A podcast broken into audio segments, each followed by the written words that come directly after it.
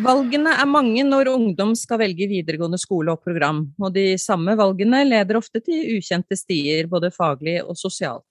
Feilvalg pekes på som en av de viktigste årsakene til å ikke fullføre. Hva skal, eller hva kan gjøres med dette? Er et omvalg alltid noe som skal ses på som et nederlag, eller kan det også være en mulighet? Ja, alt dette skal vi innom i denne episoden av Lærerrommet, og velkommen hit. Navnet mitt er Vigdis Alver.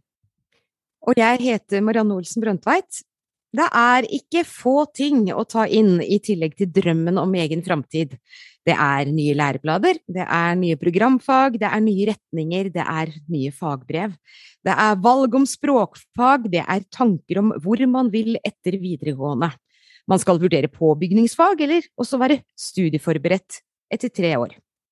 Og dette kan også krydres da med foresattes forventninger, råd fra både rådgivere og skjemaer fra utdanningsvalg, og kanskje aller viktigst blir det å se hvor vennene skal gå. Og med oss inn hit for å komme litt mer til bunns i disse valgene, så har vi med oss eh, tre gjester. Velkommen Tor Olav Sviggum, du er eh, rådgiver og lærer ved Ål videregående skole, og du er også en av nettverksrådgiverne i Viken. Velkommen. Takk for det. Og du er også her, Stein Løvgaard, universitetslektor ved Oslo OsloMet, og du er også fagansvarlig for videreutdanning av karriereveiledere. Velkommen.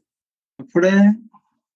Og sist, men ikke minst, velkommen til eh, Elevblikket. Og det ivaretar du, Edvard Botteli Udnes, leder av Elevorganisasjonen.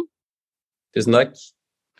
Og vi starter jo nettopp med deg da og elevblikket. Og alle overganger i livet innebærer en viss risiko med individuelle forskjeller. Og i utdanningsløpet er overgangen fra barnehage til grunnskole noe mange er opptatt av, og da dreier det seg jo ofte om en god ivaretakelse av dem det dreier seg om, nemlig elevene. Det er også oppfølging når overgangen er eh, over til ungdomsskolen. Og hva tenker du om overgangen fra ungdomsskole til videregående? Hvordan syns du den ivaretas? Oi, det var et, eh, et stort spørsmål. Eh, altså, jeg kan jo si dårlig. Eh, for bare sånn det, det enkle svaret. Eh, det, det, er på mange punkter det liksom feiler, da. Men det vi kan si er at det skyldes i all hovedsak et par ting. Og det ene er f.eks. rådgivningstjenesten på ungdomsskolen er jo eh, ræva. Ehm, eh, det stilles for få kompetansekrav til eh, rådgivere, som betyr at i teorien så er det veldig lett for en lærer som er lei av å undervise, kan ta viss antall eh, prosent i, som rådgiver, og egentlig ikke ha noe formell kompetanse på det, men fortsatt være den personen elever skal gå til når det kommer til utdanningsvalg. Og så har vi også et problem at det er ikke en egentlig sånn rød tråd i utdanningssystemet vårt. Eh, som betyr at du går liksom sånn, du hopper, spesielt mellom ungdomsskolen og videregående, så hopper du veldig i hva du, hva du møter. Og vi har ikke klart å tilpasse verken videregående eller ungdomsskolen eh, godt nok etter hverandre eller eleven til at det er et system man kjenner seg igjen i, men fortsatt kjenner at man går videre, da. Um, så liksom løse, løse svaret på et, på et, stort spørsmål, med det, det jeg skal prøve meg på. Ja, nei, du har sagt mye her, eh, her Botli Udnes. Og det er jo noen få år siden du selv valgte videregående skole. Og nå har du vel kanskje snakka litt om dine egne erfaringer også, men du kan jo gå litt mer konkret i bunns i de, og også hvilke erfaringer kanskje du har hørt fra andre om overgangen til videregående? Ja, altså Problemet med rådgivningstjenesten i dag er at man ikke nødvendigvis har en uh, ordentlig formell kompetanse uh, som rådgiver, det er ikke normen. Og da vil man ofte gå inn i uh, litt sånn det som virker åpenbart, da, å, å, å anbefale en elev. F.eks. at om du har et visst snitt, så skal du gå studiespes. At da lukker du ikke dørene dine. At man, man, ofte trekkes til å anbefale det som er normalt og norm, normene, og ikke nødvendigvis være veldig flinke på å faktisk snakke med elevene og skjønne hva, um, hva som kan være best for dem. Uh, og det er jo liksom det vi i all hovedsak ser er, er problemet med rådgivningstjenesten i dag. Men hvor definerende for framtida vil du si at uh, valget av videregående utdanning er? Uh, nå har jo ikke jeg begynt å studere ennå eller blitt uh, voksen, så jeg vet ikke selv egentlig. Men det, det, har jo noe å si for hvilken retning du ønsker å gå. Altså spesielt, uh, spesielt, dette med om du ønsker å gå studieforberedende linjer eller yrkesfaglige linjer, så velger du jo uh, karriere. Det er jo definitivt mulig å, å, gjøre omvalg, men det er jo ganske definerende hvis du får et fagbrev i noe, eller hvis du får studiekompetanse eh, sånn at, eh, sånn at, du skal begynne å studere, så vil jo det ha en del å si for livene dine. Men, men jeg tror at selve valget har ikke så mye å si, det valget du tar når du er 15-16 år, fordi du har masse tid på å endre det. Og Det er også en ting jeg tror vi må bli mer komfortable med i skolen, og det er konseptet å gå på trynet. Um, at liksom man uh, man skal ikke velge alt riktig. Man skal ikke ta de riktige valgene hele tiden, som er det åpenbare eller det fornuftige. Man skal ta dårlige valg. Det er en del av, eh, vil jeg påstå, er en del av skolens dannelsesoppdrag. Er at elever skal eh, lære at eh, valgene du tar, det får konsekvenser. Både positive og negative. Og man skal da ta dårlige valg. Eh, i løpet av eh, tiden sin på skolen. For der har man faktisk det sikkerhetsnettet med fagfolk som, hvor, jobben din, hvor, jobben deres er å faktisk passe på at du skal komme deg gjennom skolen og ha det bra.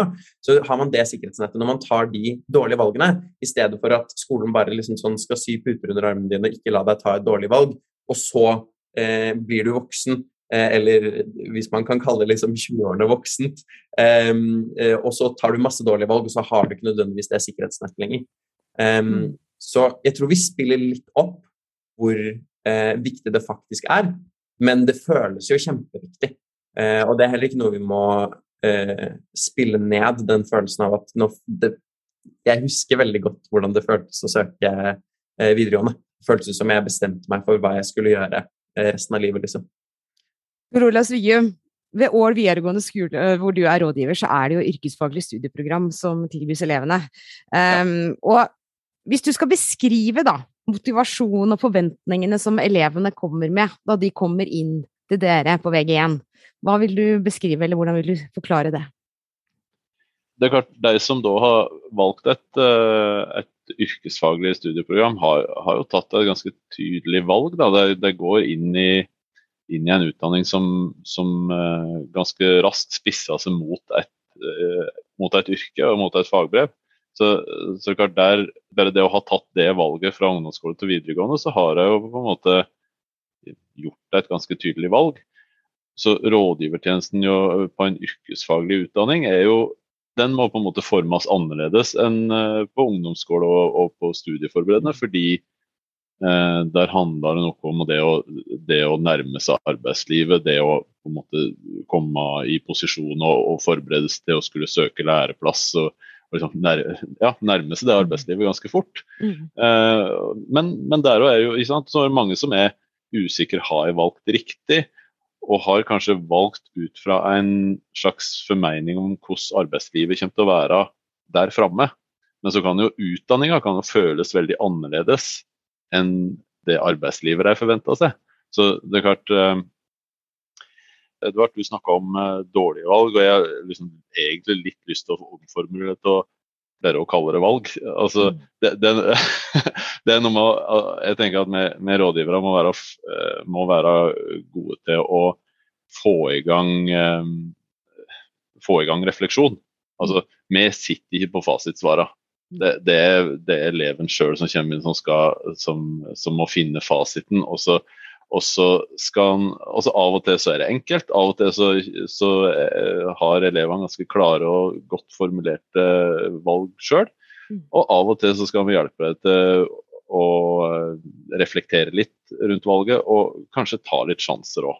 Og, og, så er du ulikt moden. Um, altså Alle 16-åringer er ikke likt modne, og det er ikke alle 18-åringer heller. så det er liksom og så må man gjøre det for hver enkelt elev, da.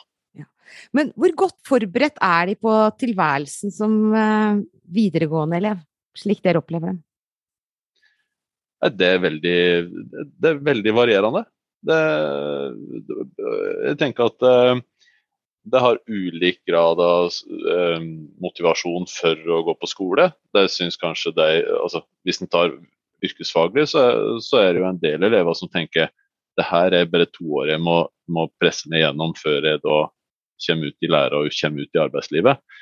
Men så opplever vi at ok, så finner vi tonen. da. Altså, så, så, litt etter hvert i løpet av VG1 så ser du at ok, nå, her er det andre fag, her er det en annen hverdag enn på på eh, ungdomsskolen. Vi blir utfordra på andre egenskaper enn det, enn det vi ble på ungdomsskolen. fordi Gjennom yrkesfagene og, og ja, andre ting enn det jeg er vant til. Så opplever mange som har en sånn god prosess gjennom videregående. Uh, mm. men, men, ikke alle. For noen har kommet inn og kanskje har helt feil fordommer om hva slags utdanning og yrker de egentlig var på vei inn i. Mm. Så det, det, er vanskelig å gi et sånt generelt fasitsvar på det. altså. Det er vel nettopp derfor også dette er så komplekst. Ja. Uh, og hvordan ser man da at en elev kanskje enten har valgt feil, eller er i en utvikling, eller i hvert fall trenger en samtale for å hjelpes videre? Hvordan avdekkes dette hos dere? Det er nok i stor grad lærerne som opplever det i, i faga. Altså, når du da kommer i et programfag, på, så, så, opplever du at ok, her Mangler du nysgjerrigheten og mangler du interessen for det du da har begynt på? Er det fordi VG1 eh, programfagene ligger så langt unna det yrket jeg egentlig vil inn i? Altså, går du på TIF f.eks., teknikk og industriell uh, industrifag, og du egentlig vil bli uh, noe veldig kreativt, eller børsmaker, eller noe sånt som kanskje ligger litt langt unna det VG1-løpet tilbyr, da, så, så klart, da, da, handler det om å motivere seg gjennom det steget, og så se ok, jeg har noe overføringsverdi her, men jeg, skal, men jeg er på riktig vei. Men så er det andre som da sier det her interesserer meg ikke, og jeg vet ikke hva jeg skal bruke det til. Kanskje det, det ikke var riktig. Altså, og så tar vi det derfra. Ja, Stein Løgaard, du har jo på en måte Eller du har begge hatt det på her inne. Du er jo både høyskolelektor og rådgiver ved ungdomsskolen. og Hva mener du er de viktigste rutinene å ha på plass med tanke på overgangen mellom grunnskole og videregående opplæring? Ja, det er viktig å legge opp et løp eh, som starter eh, forsiktig faktisk i slutten av 7. klasse, med informasjon til foreldre og elever om at det er noen språkvalg da som eh, kan ha konsekvenser for videregående. Og Da er det også fint å nevne de utdanningsprogrammene, de som da skal søkes på om tre års tid etterpå. Men å starte litt i det små der. Og så er det viktig at de får møte arbeidslivet, får vært ute i noe praksis. Arbeidsute og jobbskygging og sånne ting. Så er det viktig at de får vært på besøk på videregående skolen og, møtt eh, altså skolen. Bare vært inne og, været atmosfæren der og hørt om utdanningsprogram. Sånn at de gradvis blir kjent med videregående sånn i små porsjoner. Men at det da på en måte store trykket kommer jo eh, på høsten i 10. klasse og da ut mot uh, februar-mars. 10. klasse. Og det er jo selvsagt rådgiveren hele tida må ha kontakt med de enkelte og sånn som eh, Tor Olav sier veldig tydelig her også, det er en individuell tilpasning som er clouet her. Ja, for det snakkes jo ofte om rollen til rådgiveren ved den enkelte ungdomsskolen. Og, men hva betyr rollen til læreren som har faget utdanningsvalg? Ja, eh, altså Det er vel naturlig at, at en rådgiver og en UDV-lærer samarbeider om dette. Og da blir det mye rådgivning gitt gjennom det faget utdanningsvalg, der det fungerer og der det gjøres på en ordentlig måte. For det har jo vært en stor utfordring. Dette faget har liksom vært litt mellom barken og veden. og ikke karakter i faget, sånn som de alle andre fag. Og, men det, måte, det som er viktig med det, er jo at det gjøres praktisk. Eh, mye av denne AUDV-faget det ligger kanskje utenom klasserommet og utenom skolen. Eh, de andre elementene som jeg nevnte i stad. Eh, og, og, det er jo bidra til at det skaper refleksjon. Eh, for selvinnsikt er vel en, hovedting der. Og så er det mm. karrierelæring. Eh, ja, lære hvordan man skal ta, håndtere livet sitt framover i vid forstand, egentlig. Hvilke utfordringer er det man har i, i, utdanningsvalg, og hva er det man bør jobbe med der? Eh, ja, det er jo å få den enkelte til å tenke framover. Edvard han var jo inne på det at eh, man må lære seg å ta, ta dårlige valg. Men eh, vi må vel på en måte få, sette i gang en prosess. Hva tenker du framover? Hva tenker du er bra for deg? Eh, hva skal du gjøre med livet ditt? Hva vil være en, en god uh, utdanning for deg? Hva, um, hva, vil være en bra jobb? Og så Forskjellige øvelser og forskjellige opplegg rundt det. Sånn at man uh, kan på en måte nærme seg det valget som da skal gjøres når de skal uh, søke til videregående. Men jeg vil jo si det at løpet er jo ikke kjørt om du velger feil. Det er mange måter å, å rette opp det på og komme inn videre på mer rett vei og på sin vei. All erfaring er viktig å ta med seg. Og um, det er mange tilfeldigheter som rår her. Hvem blir man kjæreste med? Hvordan blir det med nye venner? Ja. Plutselig så er det en som tilbyr deg en jobb. ikke sant? Så, da, så det gjelder å være åpne for mulighetene og ikke tenke at alt er låst. Og ikke stresse dette uh, unødig, dette med feilvalg. Jeg tror det har vært litt for mye fokus på det. Eh, så ja, ta, man må finne en ro rundt det og komme seg videre. Bot Ludnes, det må finnes med ro og ikke stresse, sier Løvgaard her. Og dette var jo noe du også var inne på innledningsvis. Er dette noe som skolen bør jobbe mer for å få, skape mer aksept for også hos elevene? For det er jo også et jag inne i elevene også enkeltvis. Man snakker om prestasjonsjag, det å få til det å maksimere ved første forsøk.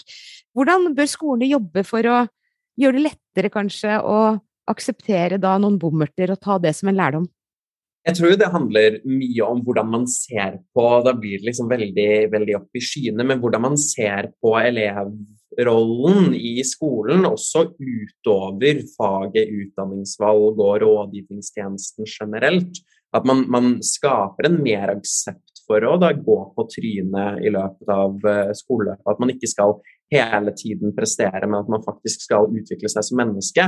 Jeg tror også Noe av det viktigste vi trenger for å kunne fordi Skolen skal gi rammeverket for at vi skal ta valg da, og Når jeg sier gode valg, så er det valg vi som elever kjenner oss igjen i eh, og er komfortable med. Og eh, Skolen skal jo liksom i alt de gjør, legge til rette, sånn at vi har det riktige rammeverket for å ta disse valgene senere i livet. Og Da tror jeg at vi må se på skolesystemet som, som en helhet også, med at skolesystemet i større grad må dyrke elevenes interesser og talenter, og la dem oppdage mer av hva de ønsker å gjøre, hva de liker å gjøre, hva de mestrer. Eh, og da, da kommer vi til et punkt hvor man trenger mer eh, individuell tilpasning i opplæringsløpet. Eh, at man trenger mer valgfrihet. At elevene skal få lov til å fra en ganske tidlig alder av få lov til å utforske interessene sine. Eh, og i skolen i dag så har vi et litt for stramt rammeverk når det kommer til det. At vi har eh, f.eks. På, på fag- og timefordelingen eh, så har vi et ganske strengt eh, rammeverk eh, helt fram til 10. klasse, eller egentlig helt fram til eh, du går ut av videregående. Du velger ganske lite sjøl, du får opplevd ganske lite av, dine, altså av deg selv. Eh, i skolen. Du skal liksom gjennom disse tingene, du skal kunne disse kompetansemålene, du skal prestere på det, du skal ha lite fravær, skal du velge riktig. Eh, og det er ikke helt forenlig med at man skal utvikle et kritisk tenkende menneske som klarer å ta, um, ta valg de er komfortable med senere i livet, og også i løpet av utdanningsløpet. Og der blir det jo liksom en helt annen debatt igjen, da. Men, men man kan ikke nødvendigvis se på utdanningsvalg kun som faget eller rådgivnings, eh, rådgivningstjenesten heller. Man må se på hvordan skolen faktisk oppdrar, eh, oppdrar mennesker da, og, og, utvikler modenhet. Fordi modenhet er ikke nødvendigvis bare noe man, man får automatisk. Eh, det er også noe som læres opp. Ja, men i dette da, i disse store valgene og ønskene og drømmene som disse unge menneskene har, så er det jo eh, også en realitet som de skal orienteres inn mot. Og hvor mye kan unge da realitetsorienteres om hva som er mulig, hva man kan få til, uten å ta vekk da disse store vyene og livsdrømmene? Nei, altså, man må jo få god informasjon om hva som er der ute. eh, absolutt alle utdanningsprogram, alle fag og eh, alt eh, det morsomme man kan gjøre. Men jeg tenker at så lenge man har et positivt spinn på det, med at alt dette er jævlig gøy, eh, noe det er, så klarer man i større grad å, å, å lette det presset. da. Men, men, sånn veldig veldig mange av medlemmene våre opplever det, er liksom at man kommer på ungdomsskolen, og så venter man kanskje litt i sånn eh, en, en, tidlig start på å tenke på utdanningsvalg er liksom eh, våren i 9. klasse eh, for de fleste av medlemmene våre. Og så blir man liksom den pressa med I mars!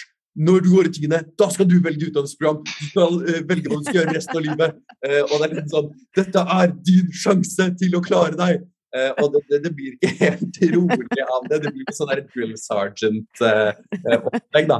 Uh, og så skal du på hospitering to ganger, og du skal lage en presentasjon om denne videregående skolen i fylket. Um, og det blir litt sånn det blir, det blir ikke så koselige omgivelser, da. også fordi at ofte det vi også får tilbakemeldinger om, er at man bruker utdanningsvalg eller UDV-timene til å ta igjen tapte timer i, i i faget som den læreren eh, som har UDV-timen, primært underviser i. Jeg hadde veldig mye matte og naturfag eh, i mine UDV-timer. Det var jo spennende og interessant, det, liksom, men eh, det var ikke så mye utdanningsvalg. Um, så jeg tror vi må, vi må, gjøre noe der også. Uh, men jeg tror det handler om det å se på muligheter og ikke begrensninger.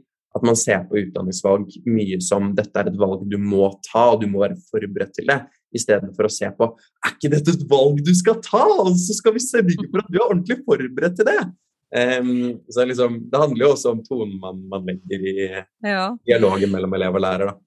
Men nå vil jeg gjerne høre litt med deg da, Svigum, for nå har vi fått uh, mange syn fra elevstemmen og elevstemmene her. Men hvis vi tar nå, ser, har dette som et bakteppe inn i neste spørsmål til deg, hvis vi ser på hva rådgivere og veiledere på grunnskolen vet og kan om de ulike og nye programfagene, vet de hva de ulike valgene innebærer, og hva elevene også velger bort?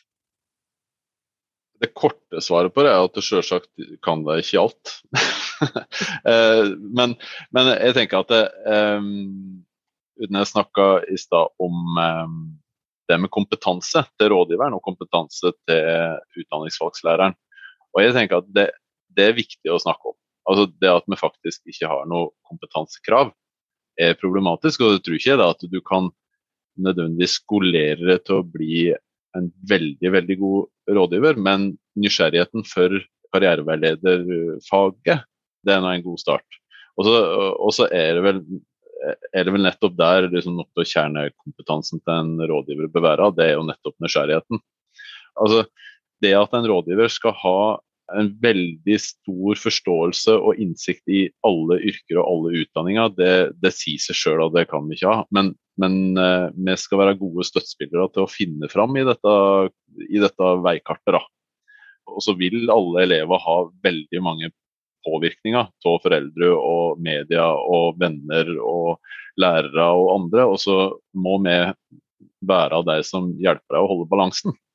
At vi har en generell uh, innsikt i, i, utdannings- og yrkesvalg, og vi kan liksom gå litt i dybden med, hver, med, med elever som trenger det.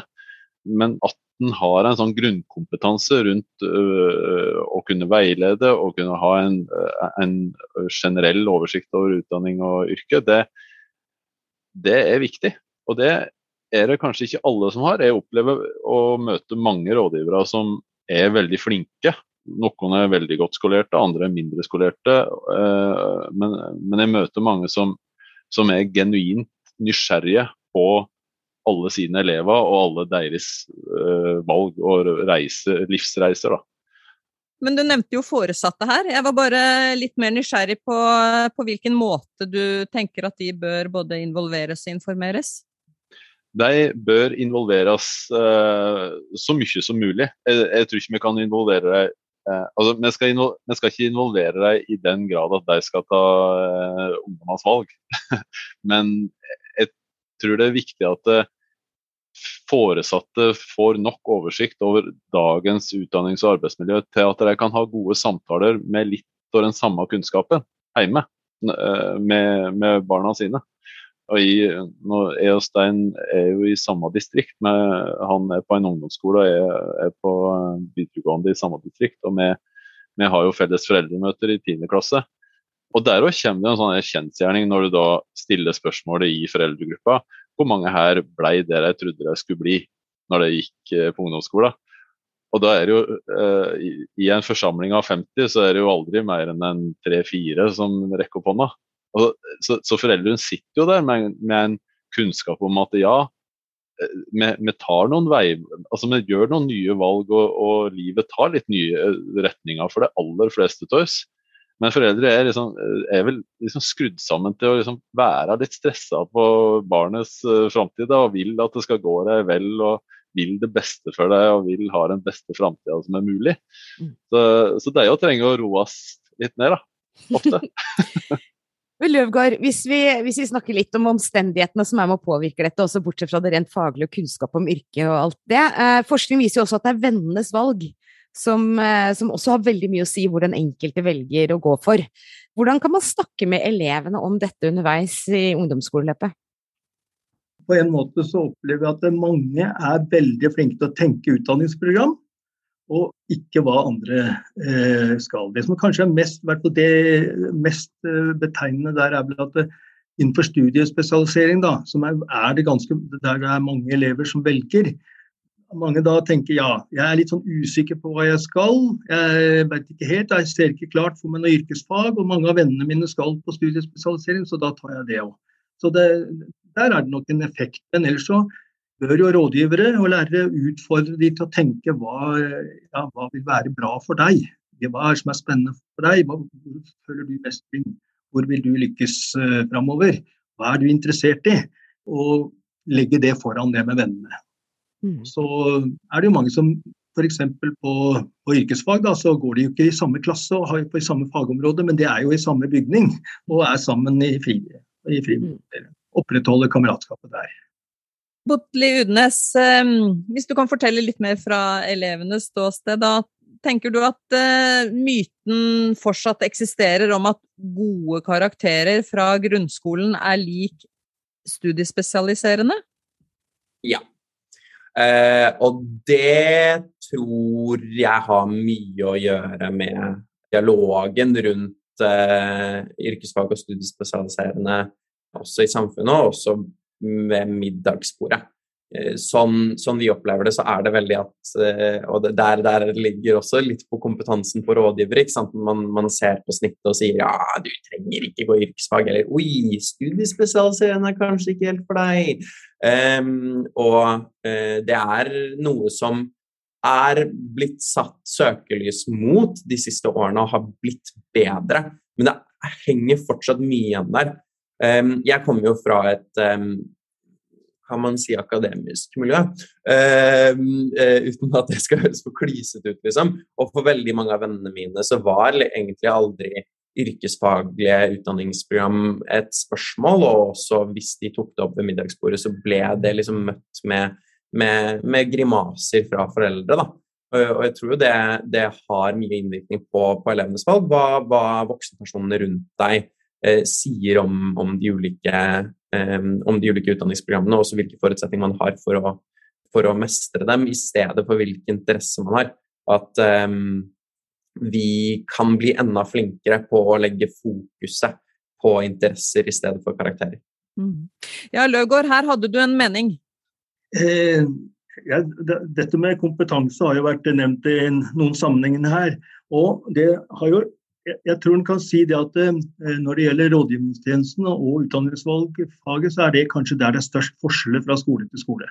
Innenfor alle de andre fagområdene så er det mye mer enhetlig og lik, lik fra skole, likhet fra skole til skole. Men eh, det har jo startet ganske mange rådgiverutdanninger. F.eks. på Oslo OsloMet så har det jo vært der i 20 år.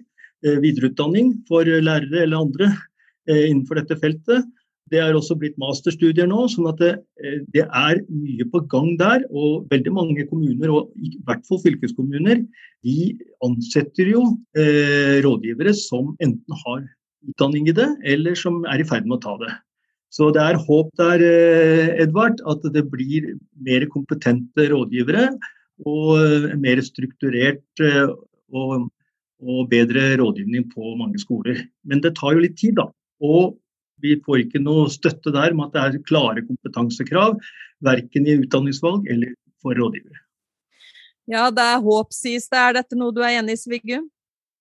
Ja, jeg er enig i det. Jeg er jo sjøl masterstudent på deltid eh, nå, i karriereveiledning. Jeg tok en rådgiverutdanning eh, før jeg begynte som rådgiver, etter jeg begynte som lærer. Så det, det er mye godt på gang. Det, det er jeg helt enig i. Ja, jeg, jeg, jeg, tror vi er på riktig vei, da, som Stein sier. Uh, og så er det jo noe med uh, synes det er morsomt å høre Edvard, det der med det å sitte rundt middagsbordet og få litt grimaser rundt uh, utdanningsvalg. Så, så tenker jeg at det, det handler litt om det å, å, nærme seg det ukjente. Og det er ikke bare for deg som vurderer yrkesfag som kanskje kommer fra et akademisk miljø, men det, det er òg andre veien. Altså det, I familier der yrkesfag er en tradisjon, så, så vil du òg liksom nærmere noe ukjent ved å si jeg vil ta en, eh, en, eh, jeg har lyst til å gå på høyskole, jeg har lyst til å ta en høyere utdanning. Så, eh, det belyser vel egentlig det jeg sa i stad, viktigheten av å få med både foreldre og elever på ja, å, utforske og være nysgjerrig på valgmulighetene sine. De kan snakke om i en tidligere podkast om gaming i undervisning så må jeg liksom Altså voksengenerasjonen er litt for langt unna, og det er litt ukjent. Og det er litt, uh, det er litt uh, du, du, ser fort litt negativt på det. Men jeg tror det handler litt det samme om det å ha et bredt syn på utdanningsvalg. Det å utfordre det på nærmere en, en del ukjente ting.